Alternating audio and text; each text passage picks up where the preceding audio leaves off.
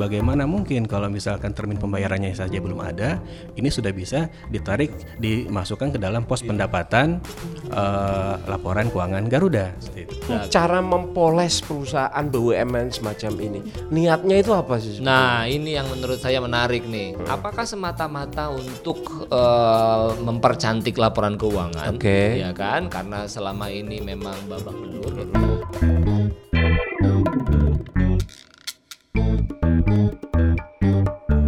Kembali kita berjumpa dalam acara ngopi, ngobrol opini majalah Tempo bersama dengan Bung Azul, Arif Zulkifli, pemimpin redaksi majalah Tempo dan saya Agus Lukman akan menemani Anda. Mas Azul, puasa nggak? Ya, alhamdulillah. Ini Jangan tanya kualitas puasanya. Oh, iya. Ini pertanyaan puasa dulu apa enggak? karena kita lagi ngopi, Mas. Tapi ini ngobrol-ngobrol eh, bulan puasa ini lagi rame-ramenya BUMN disorot ya, Mas ya. Betul. betul. Mulai dari PLN, kemudian eh, belakangan Garuda. Ya. Ada apa ini? Eh, apakah eh, kepemimpinan dari Menteri BUMN Rini Sumarno semakin menjadi catatan buruk ya mungkin di pemerintahannya? Ya, saya kira jangan dihubungkan sama ini Sumarno dulu. Kejauhan ya? Kejauhan. Kejauhan. Kita bahas kasus Satu-satu dulu aja ya? satu aja. Nah, Tapi sebelum itu saya mau kenalin dulu ada Oke. Yandri Arfian di sini ya, redaktur Mas Yandri Arfian. eh, kompartemen ekonomi di majalah Tempo. Ya, pekan ini memang kita eh, coba membahas lebih detail apa yang terjadi dengan Garuda, khususnya soal laporan keuangan yang eh, memang dalam dua minggu terakhir sempat menjadi sorotan publik juga. Jadi kita ingin lihat eh, bagaimana sih performa kinerja Garuda yang selama ini kan juga terkenal eh, sebagai perusahaan milik negara yang berdarah-darah dan belakangan tiba-tiba diberitakan meraup laba seperti itu.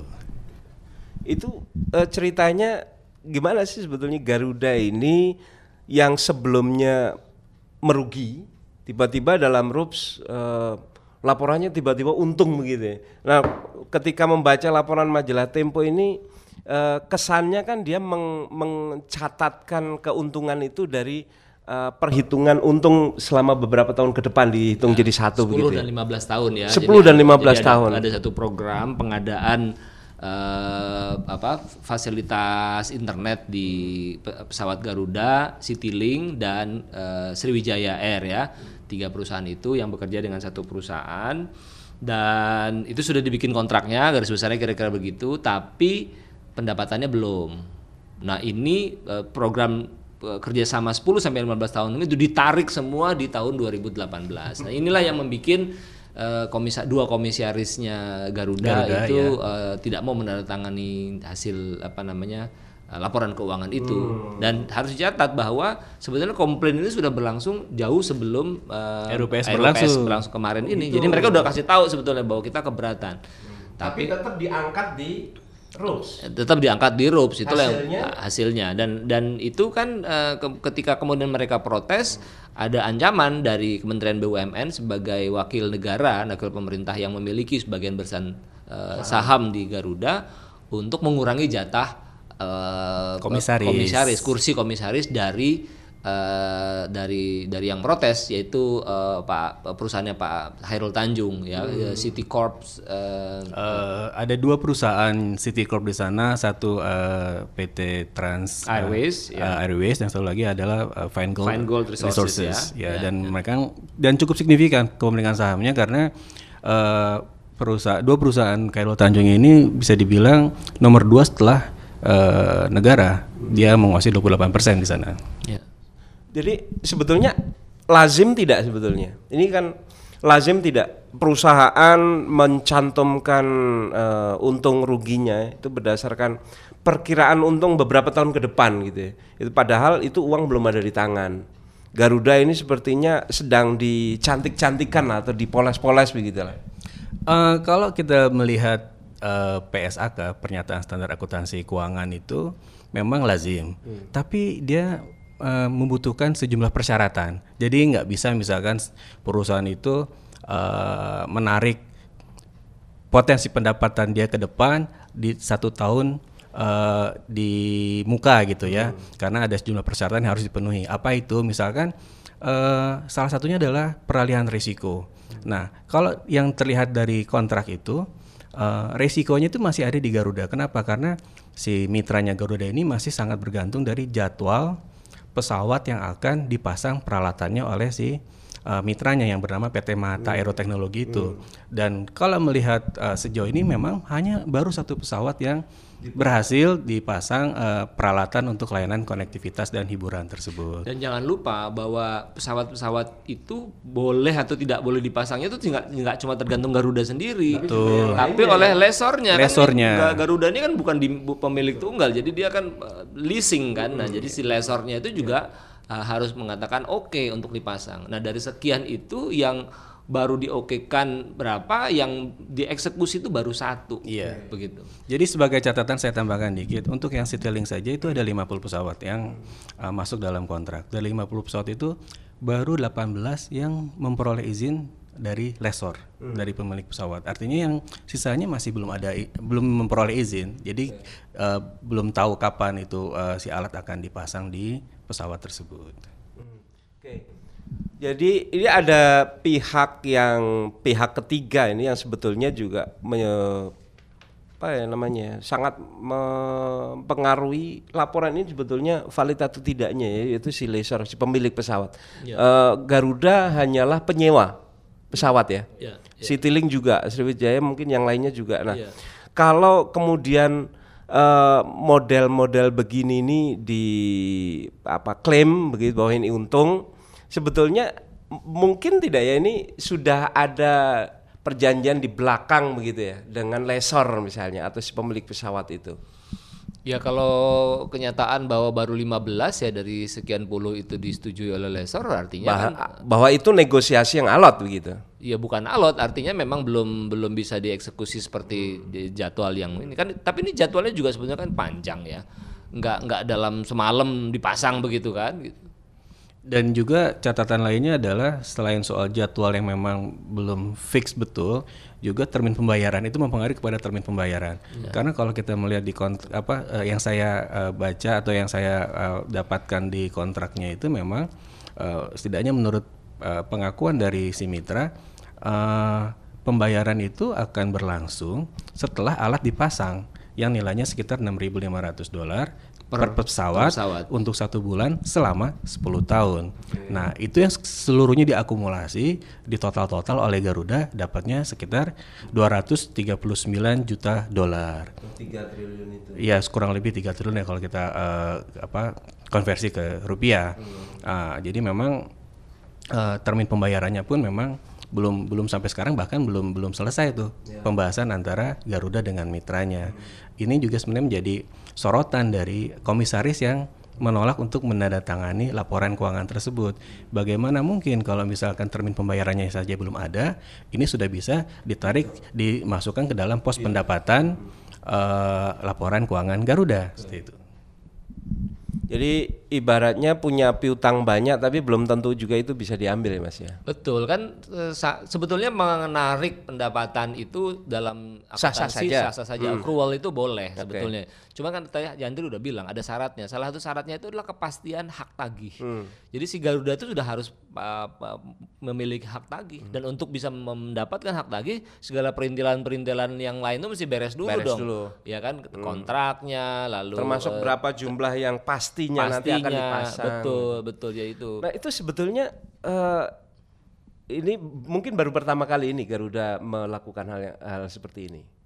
Ya kalau ditarik sejarahnya ke belakang Mungkin itu sering. eh, ber- berbagai macam Berbagai cerita macam cerita. sudah eh, apa namanya sudah sudah ada di Tapi Garuda. cara mempoles perusahaan BUMN semacam ini, niatnya itu apa sih? sebetulnya? Nah, ini yang menurut saya menarik nih.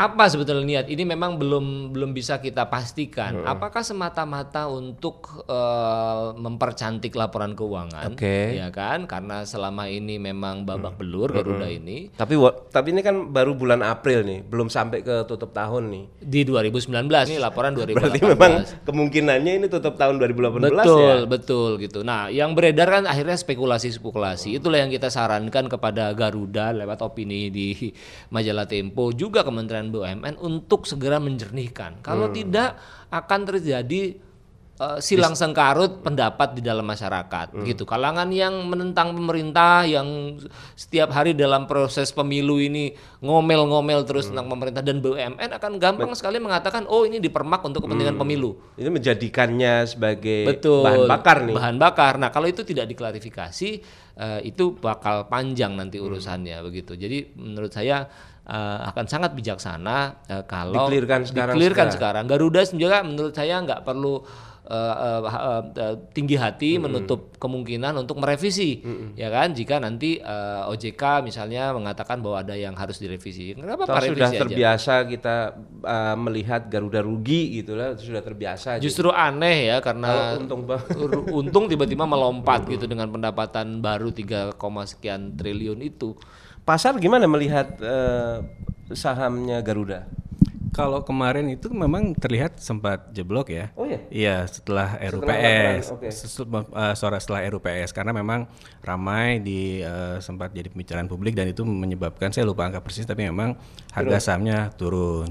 Tapi ya itu karena dia perusahaan terbuka, dia listed company, seperti yang tadi disampaikan oleh Mas Azul, dia justru harus lebih terbuka lagi kepada publik sebagai bentuk pertanggungjawabannya dia untuk menjelaskan apa sih isi kontrak itu dan bagaimana mekanisme itu sehingga eh, benar bahwa yakin betul bahwa memang ada potensi pendapatan yang akan bisa diraih oleh Garuda ke depan. Jadi memang kuncinya adalah keterbukaan lebih-lebih karena juga karena si Garuda adalah perusahaan terbuka, dia juga harus tunduk pada aturan-aturan yang berlaku di pasar modal maupun juga eh, regulator lainnya adalah si eh, selain Bursa Efek Indonesia adalah OJK seperti itu. Saya kira mungkin ya, kita punya informasi tambahan juga tentang siapa Mahata ini kan. Ya, jadi Oke, eh, itu punya siapa? Mahata ini. Iya, kalau uh, kita lihat dari akte pendirian perusahaan, memang ini anak-anak muda. Awalnya empat orang, lalu bergabung ada pemodal lainnya sem- sembilan orang berkumpul di sana. Uh, dari dari beberapa kumpulan anak-anak ini, dari kumpulan pengusaha ini, mereka berhasil meraih pendanaan dari Dubai, which is itu lumayan bagus ya. Mereka ada mencari usaha, ada effort untuk mencari pendanaan uh, uh, dari pihak dari investor dari luar dan sepertinya memang karena uh, si investor luar ini sudah ter- uh, cukup terpikat juga karena melihat model bisnis yang akan dijalankan oleh si Mahata ke depan. Nah, yang uh, kita lihat dari akte pendirian perusahaan itu juga memang ada beberapa nama lain. Misalkan dia aktif uh, sebagai misalkan pemilik Mahata ya. Dia itu adalah ketua HIPMI di eh, saya lupa Bangka Belitung atau Belitung istilahnya. ya pengusaha di sana. Lalu yang satunya lagi juga aktif di HIPMI. Memang ini anak-anak muda semua. Tapi ada satu nama lagi juga dia memang eh, eh, bergerak di bidang kuliner gitu ya. Dia punya kafe cukup terkenal di Jakarta yang belakangan masuk ke sana dan sebagai satu pemodal juga di sana seperti itu. Ini karena merusak, merupakan perusahaan eh, go public, perusahaan publik sehingga wajar kita menga- menggosipkan Garuda ini, laporan-laporan ini wajar ya Mas ya. sangat wajar. Walaupun ini bulan Ramadan, Oh, iya, menggosipkan iya. ini nggak apa-apa ya. Menambah pahala. Karena ini bagian dari sorotan publik dan mestinya juga eh, siapa yang kira-kira harus turun untuk mengawasi ini jangan-jangan nanti ada permainan yang itu berlawanan atau bertentangan dengan etika bisnis yang sehat. Ya saya kira yang paling eh, lembaga formalnya OJK, OJK, ya. OJK satu. yang harus eh, meriksa gitu semua begitu. Eh, Bursa Efek ya. sebagai induk apa yang mem- menjadi tempat dia tempat nong- dia apa, apa namanya, berjualan ya, listed itu, listed itu, ya, dia iya. juga harus turun ya. Iya, betul, betul.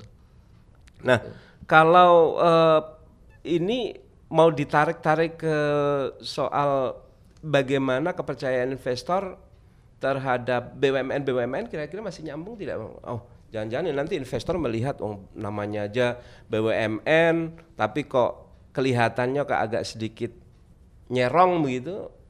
Ya susah kalau kita mau eh, coba generalisasi. Mengeneralisasikan nggak bisa Tapi juga ya. memang harus dilihat kasus per kasus. Tapi menurut saya kalau mau dikaitkan dengan sejumlah BUMN lain yang anda katakan tadi PLN segala macam, menurut saya yang harus menjadi perhatian adalah tata kelola. Tata kelolanya Ya, belum tata beres kelola untuk yang harus di- dirapikan lagi dan mengikuti standar-standar yang berlaku umum gitu. Apa yang terjadi di PLN em, sampai penetapan tersangka direktur utamanya itu kan kelihatan betul bahwa tata kelola itu tidak dijalankan. dengan GCG-nya itu Betul, belum ada ya. good corporate governance-nya itu belum jalan begitu. Dan kalau kita refer eh, apa opini kita minggu lalu kita sudah katakan bahwa ya aturan penerapan GCG di BUMN ini memang harus secara hukum harus diperkuat karena selama ini kan lebih sebagai himbauan dari Iya. Kementerian Menteri BUMN saja. Kayak semacam eh, apa pajangan aja ya. Ya eh, artinya kalau nggak dijalankan itu nggak apa-apa gitu, nggak ada Tidak ada sanksi yang jadi- efek, Ah, ah. hukumnya itu tidak ada? nggak ada gitu. Dalam hal GCG ya, Oke. tapi dalam hal eh, mungkin direksinya terlibat korupsi itu soal, Tetap kena. soal lain. Tapi kan itu bisa dicegah kalau GCG-nya ini jalan. Gitu. Betul. Hmm. Secara moral ya, secara moral Ya secara sistem juga. Oke, ini tadi ngobrolin opini eh, dari majalah Tempo soal laporan keuangan eh, perusahaan umum eh, Garuda yang sepertinya bisa dipantau lagi beberapa minggu ke depan bagaimana respon dari otoritas-otoritas yang ada. Kita lanjut ngopi, ngobrol opini di sesi berikutnya. Saya Agus Lukman.